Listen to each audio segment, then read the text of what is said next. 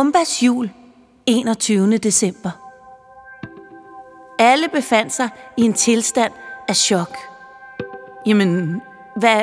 Nej, jeg forstår ingenting, sagde Umbas far. Og Felix mor sagde, jamen, det er jo, det er jo nisser. Lige nøjagtigt, sagde Juliane. Og fordi vi er i en krisesituation, så viser vi os nu for jer. Under normale omstændigheder, så er det mod relevantet. Vi nisser vil helst forblive usete. Men ja, lad os bare kalde det her en nødssituation. Og de fire nisser, de talte i munden på hinanden.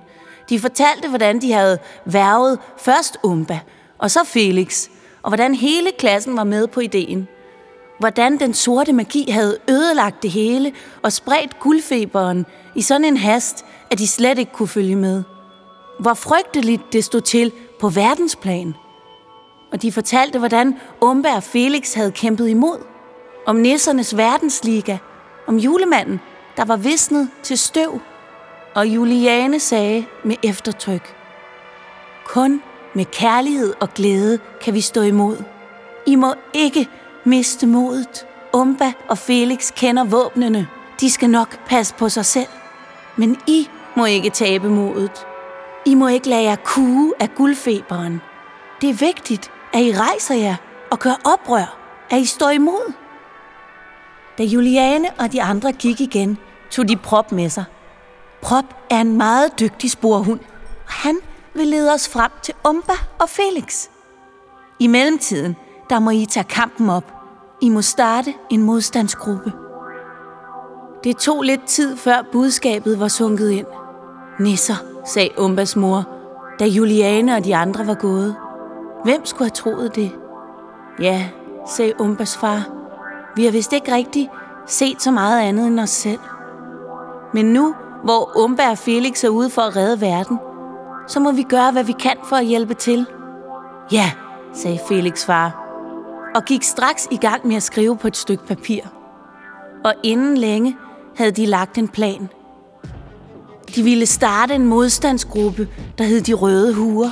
Og Umbas mor ringede straks til mormor, der var en hej til at strikke, og bestilte røde nissehuer til dem alle sammen. Det var vigtigt, at det ikke var nogen, de havde købt i en eller anden billig butik. Det skulle være den ægte vare.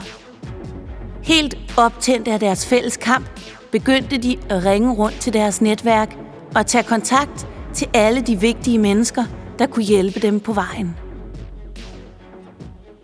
Nede i kloakken havde Umba og Felix i midlertid snedet sig godt ind på den mærkelige dame.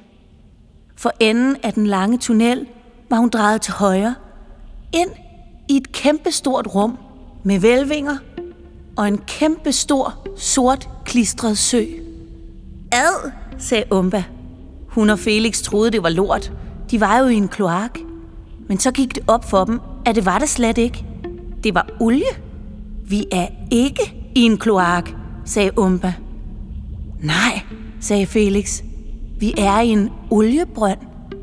Det var derfor, det føltes som om, at vi skulle helt ned til jordens indre. Vi er måske næsten helt nede ved jordens indre. De så, hvordan den mærkelige dame satte den lille kanin, Yvonne den anden, på kanten af bassinet, hvorefter hun forvandlede sig til det øjlelignende monster og dykkede ned i olien.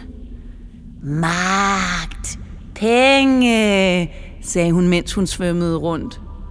Mmm, dejlig. Det sorte guld. Hun dykkede ned, og nogle mærkelige tunge bobler steg op til overfladen. Så dukkede hun op igen i den anden ende af bassinet. Kom, lille kanin, kom! Men kaninen kiggede forskrækket på den sorte olie. Kom, ned i olien, kom nu! Umba hørte lige pludselig sig selv råbe. Nej, nej, du må ikke gøre det. Hvis du tager den lille kanin ned i det olie der, så dør den. Monsteret boblede forskrækket. Hvad biler du dig ind? Og så var det, som om hun begyndte at skændes med sig selv igen. Jamen, jeg vil bare lege. Nej, du skal ikke lege. Du skal tjene penge. Nej, jeg vil bare lege. Please. Den er så sød. Det var som en diskussion mellem det gode og det onde. Og det gode vandt. Til sidst krabbede monsteret op på bredden igen, ved siden af den lille kanin, hvor hun straks forvandlede sig til en helt ny skikkelse, de ikke havde set før. Pludselig sad hun der som en lille pige med røde rottehaler i en laset kjole. Åh, du er så sødt, sagde hun. Vil du være min ven? Jeg har ingen venner. Umba og Felix kiggede nysgerrigt på hende. Så listede de sig nærmere. Pigen kiggede op på dem. Hvad vil I? Så sagde Umba. Du har gjort noget meget slemt. Hele verden har fået guldfeber. Hmm, sagde pigen. Det er ikke min skyld. Men jeg har nok hjulpet lidt til.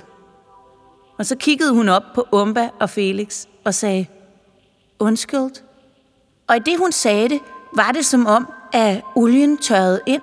Det, der før havde været en sort, klistret sø, blev nu som en hård, læret overflade. sagde pigen. Wow, se hvad et undskyld kan gøre. Der røg ad min olie. Nå ja, jeg vil hellere lege med dig, sagde hun til Yvonne den anden, og kaninen og pigen kned næser. Hvad hedder du?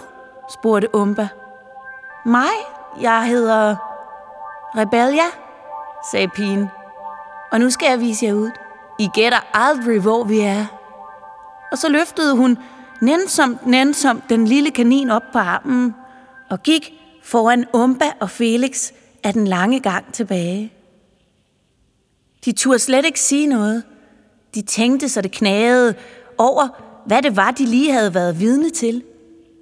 Da de nærmede sig Yvonnes gemmested, råbte den lille pige. Du kan godt komme frem nu, Yvonne. Jeg har set dig. Tittebør! Og Yvonne kiggede frem bag sin stolpe. Du skal ikke være bange. Jeg hjælper jer. Det er den 21. december i dag. Det er snart jul. I er travlt. Og så gik de i et tavst optog gennem de lange mørke gange, indtil de kom til en elevator.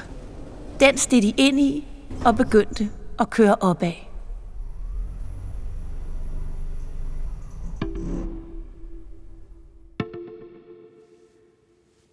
Her slutter dagens afsnit af Umbas jul.